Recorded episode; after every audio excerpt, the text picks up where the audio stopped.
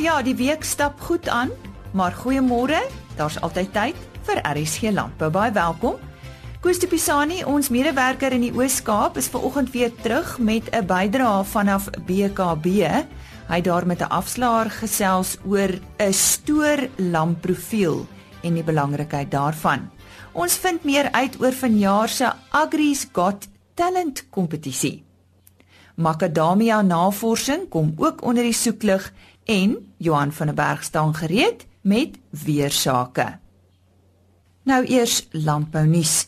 Die groot voerskaarste wat nog in die land heers, behoort vir veeboere aansporing te wees om doringlose truksvye as belangrike voerbron en integrale deel van die voervloeiprogram vir vee op natuurlike weiding te vestig. So sê professor H. Oudewal van die departement veewild en weidingskunde aan die Universiteit van die Vrystaat. Op sy eie is doringlose truksvye blaaie nie noodwendig 'n gebalanseerde voerbron nie, maar gebalanseerde dieete kan geformuleer word met die insluiting van onder andere 'n graan soos mielies as ook 'n proteïenbron. Truksvyvrugte kan ook as 'n kuilmoes gepreserveer word wat soortgelyk is aan kuilvoer. En Monsanto is vir die 4de agtereenvolgende jaar deur Fortune Magazine aangewys as een van die wêreld se topwerkgewers. Monsanto het vanjaar tweede plek behaal in die bedryfsektor afdeling. Die posisie is toegeken op grond van die maatskappy se voortgesette poging om 'n inklusiewe werksomgewing te skep. Nou vir ons bydrae vanaf Koos de Pisani. Hy het met 'n afslaer van BKB gesels oor die belangrikheid van 'n stoor lamprofiel onder andere. Die Modern Merino groep het vroeër vanjaar geskiedenis gemaak toe hulle een van die grootste merino veilinge in die omgewing aangebied het. Wat die veiling uniek maak, is nie net die grootte van die veiling nie, maar ook die sto stoor lamprofiel wat hulle aan uh, kopers aanbied. Ek het met Gert Jordan gesels om uit te vind wat presies die stoorlamp profiel is en waarom hulle dit aanbied vir die vir die kopers. Gert verduidelik eers vir my wat beteken die die term stoorlamp profiel? Ehm um, koes hierdie um, die BKB stoorlamp profiel is gebore uit die behoefte wat voerkrale en en kopers het om meer inligting en agtergrond rondom die produk um, te hê wat hulle op die veiling koop. Dit stel hulle doeteenvoudig in staat om 'n uh, beter aankoopbesluit te neem uh, met die inligting wat die profiel vir hulle gee. Goed en in watter aspekte spreek julle aan met die profiel? Om kos die die profiel gaan eh, veral spesifiek om wat die lammers aanbetref, gaan kyk ons in die profiel kyk ons na uh, die feit of hulle kruipvoer gehad het. Ons gaan kyk na die gesondheidsprogram wat die beide die die lam en die ma van die lam gehad het, um, doserings en inentings wat sy 'n bepaalde periodes gehad het. Ons gaan kyk 'n bietjie na die genetiese agtergrond. Ons ons gee 'n kort beskrywingkie van die genetiese agtergrond, byvoorbeeld waar die teelers hulle ramme koop en of hulle hulle eie ramme koop. Die ouderdom word aangedui.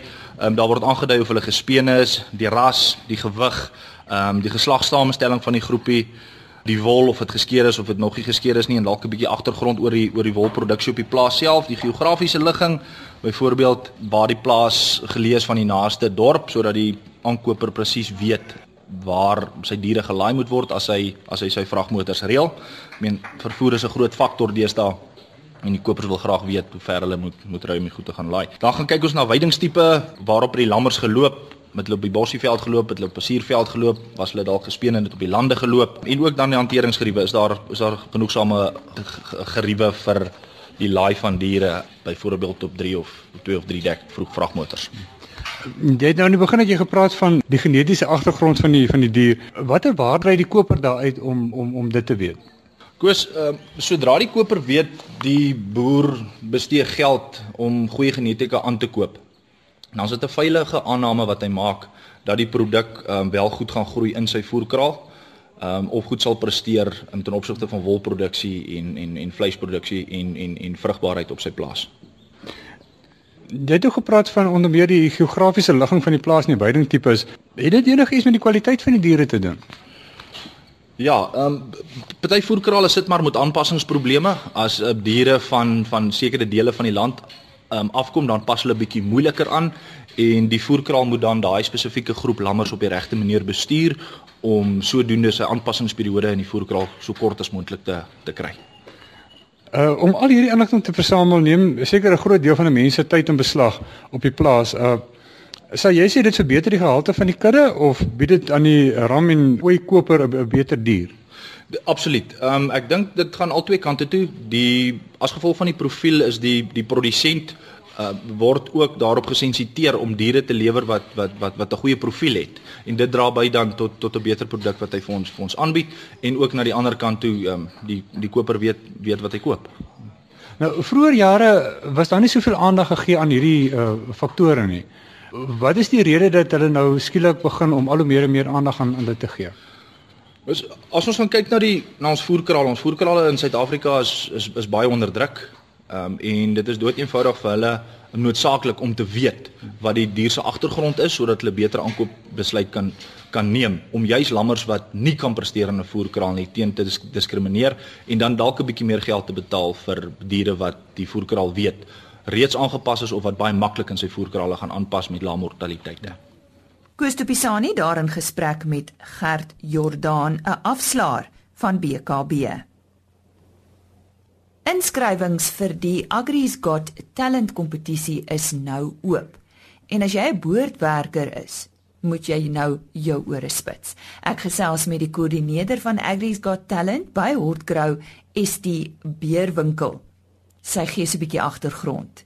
Agri's Got Talent is in 2014 deur Hortgrow gestig. Uh sedert 2015 het die Windrusstigting ook by ons aangesluit en in 2016 het die Weskaapse Departement van Landbou ook in aanbod geword. Uh hierdie jaar sluit die Suid-Afrikaanse Tafeldryfprodusente Vereniging by ons aan en dit beteken dat die kompetisie nou vir selfs meer landbouwerkers oop is. Ons vorige wenners, Ayabonga Mshobo, Armando Bartman en Neville Fortuin, het steeds gereeld by landbougeleenthede en feeste op. Wat is die eintlike doel van die kompetisie, Estie? Ja, Lise, die doel van Agri's Got Talent strek veel verder as net 'n vangkompetisie vir landbouwerkers. Die kompetisie het 'n opleidingsweek waar die top 10 deelnemers nie net vanglesse kry nie, maar ook lewensvaardigheidsopleiding.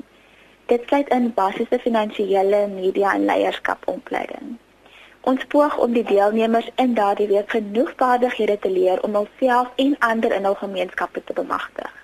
So wie mag deelneem? Is dit net 'n sekere vlak personeel van van al hierdie instansies of hoe werk dit? Alle landbouwerkers van 18 jaar en ouer wat in 'n pakhuis, 'n boord, 'n kelder of 'n wingerd werk mag inskryf.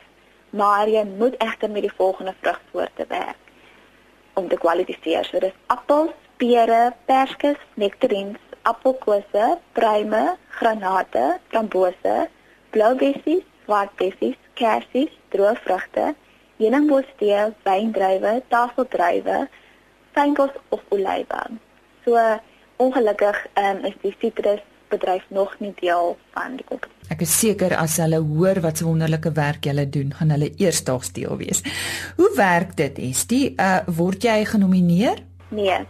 Diegene wat wil inskryf moet 'n klankgreep soos die WhatsApp voice note of 'n video van hul beste sang na 082 372 1557 via WhatsApp stuur of hulle kan dit ook e-pos na agritalent@gmail.com. So dis A G R I T A L E N T @gmail.com. Goed, ek gaan vir jou vra om 'n bietjie later net weer daai uh, selfoonnommer of vir die, vir die WhatsApp klanksnit uh, te herhaal so aan die einde van die program. Uh, wie beoordeel Estie? Ons het elke jaar 'n spesiale gaskunstenaar wat optree en beoordeel. Verlede jaar was dit Hemelbesem en Andre Norman. Dan nooi ons ook 'n talentsoeker en agent in die vermaaklikheidsbedryf, as ook 'n dosent van 'n musiekskool in die Weskaap om te beoordeel en die pryse, dis natuurlik iets om na uit te sien. Die wenner, wel die top 3, kry elke kontantprys en ook die kans om by landbougeleenthede op te tree. Die datum vir inskrywings is reeds uh, verby. Ehm um, ja, so die inskrywings het op die 15de Februarie oopgemaak, maar dit sluit 15 Mei.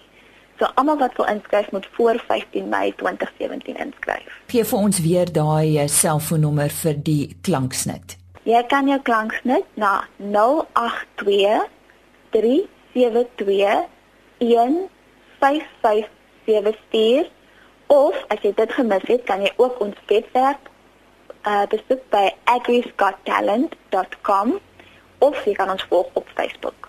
Nou ja, baie sterkte vir almal wat uh, graag hiervan deel wil wees. Ons sal u op hoogte hou en hopelik sal ons ook uh, so aan die einde hoor wat se talente het die wenner. Dit was dan Estie Beerwinkel, die koördineerder van vanjaar se Agri's Got Talent kompetisie. Nog landbou nuus: Gevaarligte flikker oor nog landboupla wat moontlik na Suid-Afrika kan oorwaai. Kommer bestaan tans oor 'n rooi sprinkaanplaag wat in Zambië aangemeld is. Hoewel die rooi sprinkaan nie endemies tot Suid-Afrika is nie, was daar al in die laaste 20 jaar gevalle in die noordelike dele van Suid-Afrika aangemeld. Die voorkoms van bruin sprinkane word ook gemonitor in die Boesmanland en Sentraal Karoo streek. Dr Gerard Verdoren van CropLife Suid-Afrika doen 'n beroep op alle produsente om plaas soos bolwurms, sprinkane, vrugtevlee en tamatie blaarmyners aan te meld. En Orthid Klingenberg van die Loenburg distrik is verkies as nuwe voorsitter van die Natalse Wolkwekersvereniging. Klingenberg neem die leiersels oor by François Du Plessis. Du Plessis se seun François Junior is tot visievoorsitter verkies.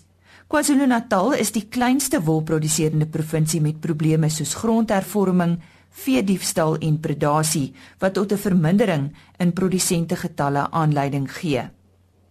Ons gesels vanoggend weer oor makadamias en uh, oor 'n uh, spesiale navorsingsbeskermingsprogram. Ek het twee gaste in die ateljee, Dr. Gerda Fourie, sy is die leier van hierdie program en ook 'n uh, redelike ou bekende op RSC Landbou Barry Christie.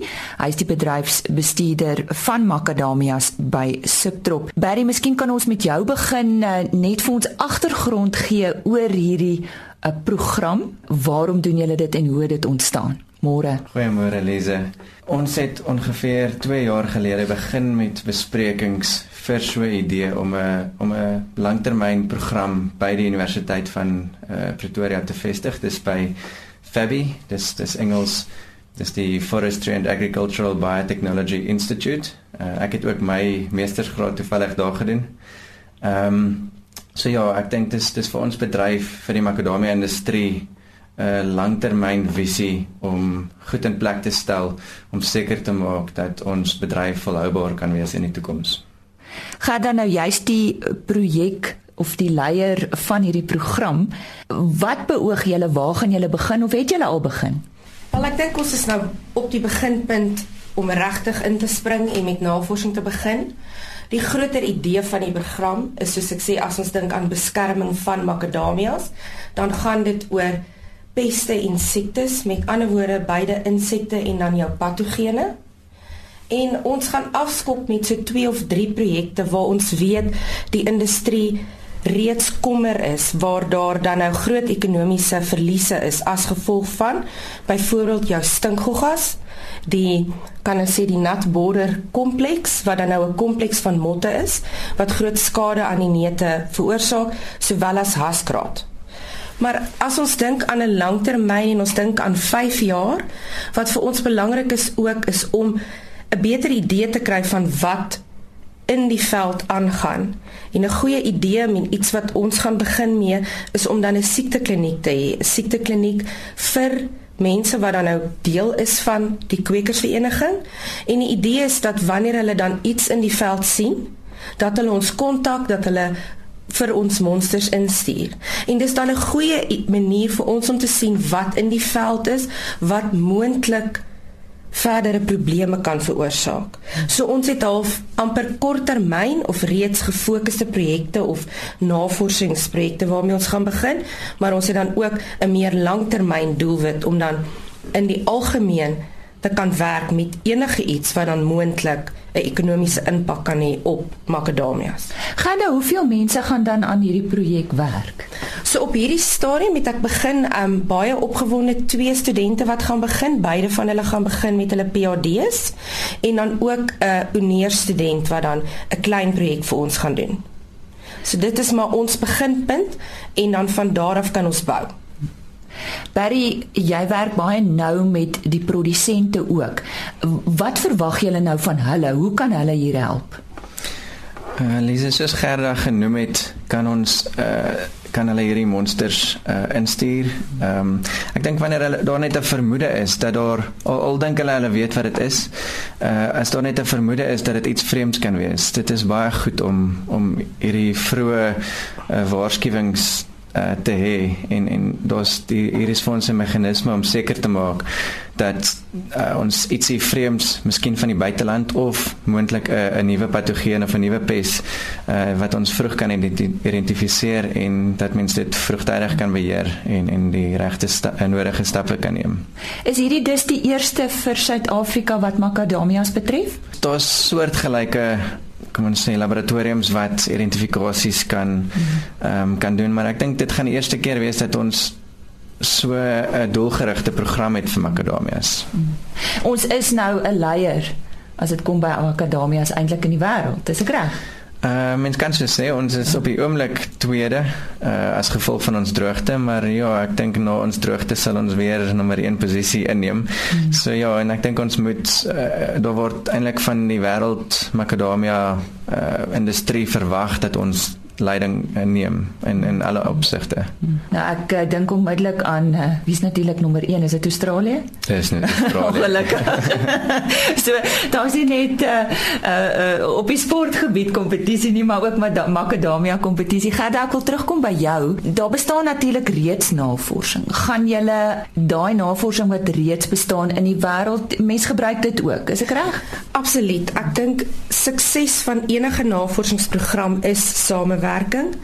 Ek dink ons kom by Fabi met jare ondervinding byvoorbeeld in die bosboubedryf waar ons nou saamwerk met industrie, saamwerk met ander universiteite, saamwerk met instansies reg oor die wêreld. So die idee van hierdie program is om in te skakel met huidige navorsingsprojekte en dan te komplementeer en dan verdere inligting te verskaf.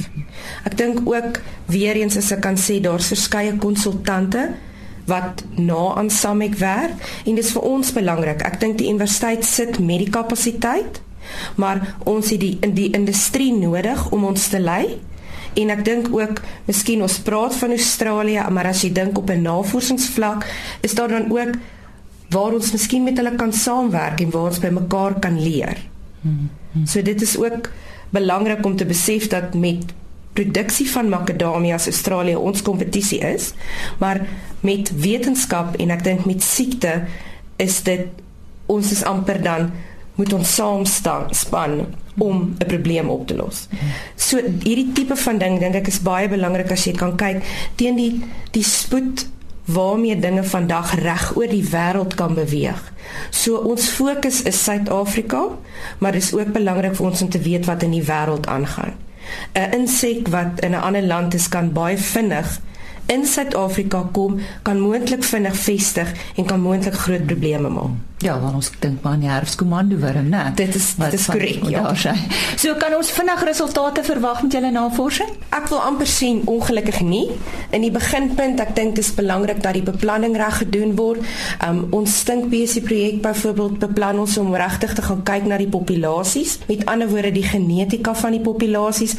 Dit kan vir ons inligting gee van hoe hulle versprei tussen boorde, hoe hulle verander binne in verskillende generasies met ander woorde daardie beweging tussen die veld of bly hulle in 'n boord maar hierdie tipe van inligting kan ons eers hê nadat ons kom ons sê oor 'n tydperk van 2 jaar monsters geneem het en mooi na hulle gekyk het. So ja, ek wil sê inligting, maar regtig dit waarna toe ons werk en ook in die raamwerk van hierdie SPAD projekte praat ons van 'n 2 tot 3 jaar voordat ons werklik waar resultate op die tafel kan sit. Perry prakties, uh hoe kan die produsente julle help hiermee? Ek wil graag hê ons boere moet betrokke wees. Ek dink hulle hulle is saam met ons opgewonde hieroor. Ehm um, maar hulle moet hulle moet voel dit is hulle dis hulle vereniging en dit is ook hulle navorsingsgroep. So hulle kan definitief vir my of vir Gerda kontak. Uh en ja, die monsters soos ek gesê het, kan hulle vir ons stuur. Ons gaan graag uit na plase toe om te kyk hoe lyk like 'n siek boom of 'n moontlike pes. Ek weet Gerda gaan verseker dit ook doen en sy wil graag hê haar studente moet ook in die boorde kom en met die produsente um, in aanraking kom. So julle het 'n webtuiste en en hulle kan maar deur middel van die gewone kontak bes, besonderhede wat op die webtuiste is werk. Verseker is uh, www.samac samoc.org.za en ek is redelik seker ons gaan binnekort 'n uh, protokol uh, op die webtuiste sit uh, vir boere ook uh, om hulle te help en en riglyne te gee om hierdie monsters te kan neem en te verpak en waarheen om dit te stuur. Dit was dan Barry Christie bedryfsbestuurder van Macadamias by Subtrop en ook Dr Gerda Fourie. Sy is die leier van hierdie Macadamia Navorsing Beskermingsprogram. Nou ja, met die wonderlike reën wat geval het, wonder ons uh, wat nou gaan gebeur en om meer uit te vind oor weersake gesels hierdie maas met Johan van der Berg van Santam Landbou. As ek uh, sê ons praat met Johan van der Berg van Santam Landbou, is dit gewoonlik oor die weer. Johan, uh onnodig om te sê, uh die reën het toe geval op baie plekke, nê? Nee? Ja, oor groot gedeeltes van die somerreënvalgebied het dit bo gemiddeld gereën. Daar was tog plekke in Mpumalanga waar daar kolle is waar dit droër was en dan natuurlik die winterreënvalgebied uh die Wes-Kaap gedeelte wat droog is. Maar uh, oor die algemeen het baie goeie reën voorgekom van 100 mm tot 2 300 mm uh oor groot gebiede en dit sluit in groot gedeeltes van Namibië. Uh ek het byvoorbeeld kontak in Grootfontein Namibië wat sê hulle staan al ek dink op 750 mm vir die seisoen. So die toestande het regtig waar baie verander en ek dink 'n mens kan nou begin praat dat die droogte regtig waar gebreek is. Uh eerstens kan 'n mens uh, gaan kyk na die grane. Ek dink die soos dit nou lyk, uh is die graanoes, die somergraanoes waarskynlik baie naby aan 'n rekordoes. En al hou dit op met reën, nou is daar genoeg grondwater om dit deur te sien. Want uh dit is nou op die kritieke blomstadium of die saadvolstadium. Uh so dit lyk of hier 'n redelike groot somergraanoes en veral 'n mielieoes gaan kom. Bietjie onseker oor die sonneblom uh want baie nat toestande is baie keer nie te gunstig daarvoor nie. Tweedens kan jy mens kyk na die weidingstoestande. Dit het ook oor die algemeen baie verbeter.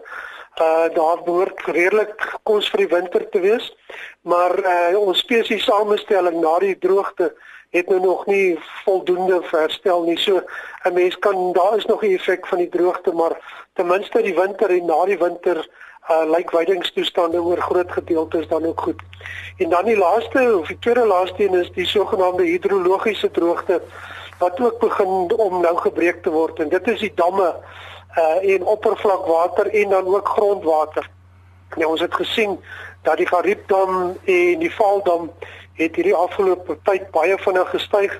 Uh, dit is omtrent tussen 20 en 30% meer as wat hulle verlede jaar oor die instemmende tydperk gehad het. En na hierdie swaar reën wat die afgelope week voorgekom het of die tyd uh is die invloed nog nog redelik sterk. En dit sluit ook ons kleiner damme in, Bloemhof en 'n klomp van hierdie ander uh wat begin nou om ook water te kry. En dan die een die die sogenaamde sosio-ekonomiese droogte. En dit is nou nie 'n reendroogte nie, maar dit is die effek wat die wat dit op die boere gehad het. Uh die die finansiële droogte. Uh dit het ongelukkig nog nie regtig waar ernstig verbeter nie. Uh die boere kon nog nie oes nie. Die oes is darm daar. Uh daar's nie baie veel om te verkoop nie alhoewel die prys duur is. So die die die moeilikheid vir die boere gaan nog 'n paar jaar aan die aanhou. Maar daar's ten minste hoop uh dat dit gaan verbeter. So ja, uh, as 'n mens in in Januarie, Februarie en Maart goeie reën in die somerreënvalgebied gekry het en dit wat ons nou gekry het, uh kan 'n mens sê die droogte is nou gebreek. Uh en vir vir die volgende klompie maande dink ek kan ons asemhaal dan. Dis net in die Kaap waar dinge knyp, né? Nee. Die Kaap uh baie droog. En die voorspellings is ook dat dit nie te goed lyk vir die volgende paar weke en selfs die volgende maand of 2, 3 nie. Uh dat die die winterreën dalk maar 'n bietjie later gaan wees Uh, maar dit het, dit raak baie krities veral die die damstande en die oppervlakwater ondergrondse water uh, baie krities uh of krities laag. Dis nou nog 'n bietjie vroeg vir die so vir die wintergrane. Hulle plant maar eers hier na April, Mei maand, so die toestande kan nog verbeter daarvoor. Uh so daar is nog nie op hierdie stadium 'n krisis nie, maar daar sal moet redelik reën in April, Mei maand voorkom sodat hulle kan plant en dat daar 'n bietjie grondvog as reserves uh, opgegaar kan word. Dat sê baie dankie uh, Johan van der Berg van Santam Landbou. Ons het daar gehoor van Johan van der Berg van Santam Landbou en Henny Maas was met hom in gesprek. Ons vertrou dat jy 'n wonderlike naweek sal hê. Dis natuurlik al van my kant af. Chris Viljoen sal môreoggend om kwart voor 5 weer aan u radio klop met nog 'n weergawe van eh, RC Landbou. Skakel weer gerus maandagooggend om 05:30 in. Ons het baie nuus volgende week en uh, ons vertrou dat u weer saam met ons sal kuier. Totsiens. RSG Landbou is 'n produksie van Blast Publishing. Produksieregisseur Henny Maas. Aanbieding Lisa Roberts. En uitskoördineerder Martie Kerstyn.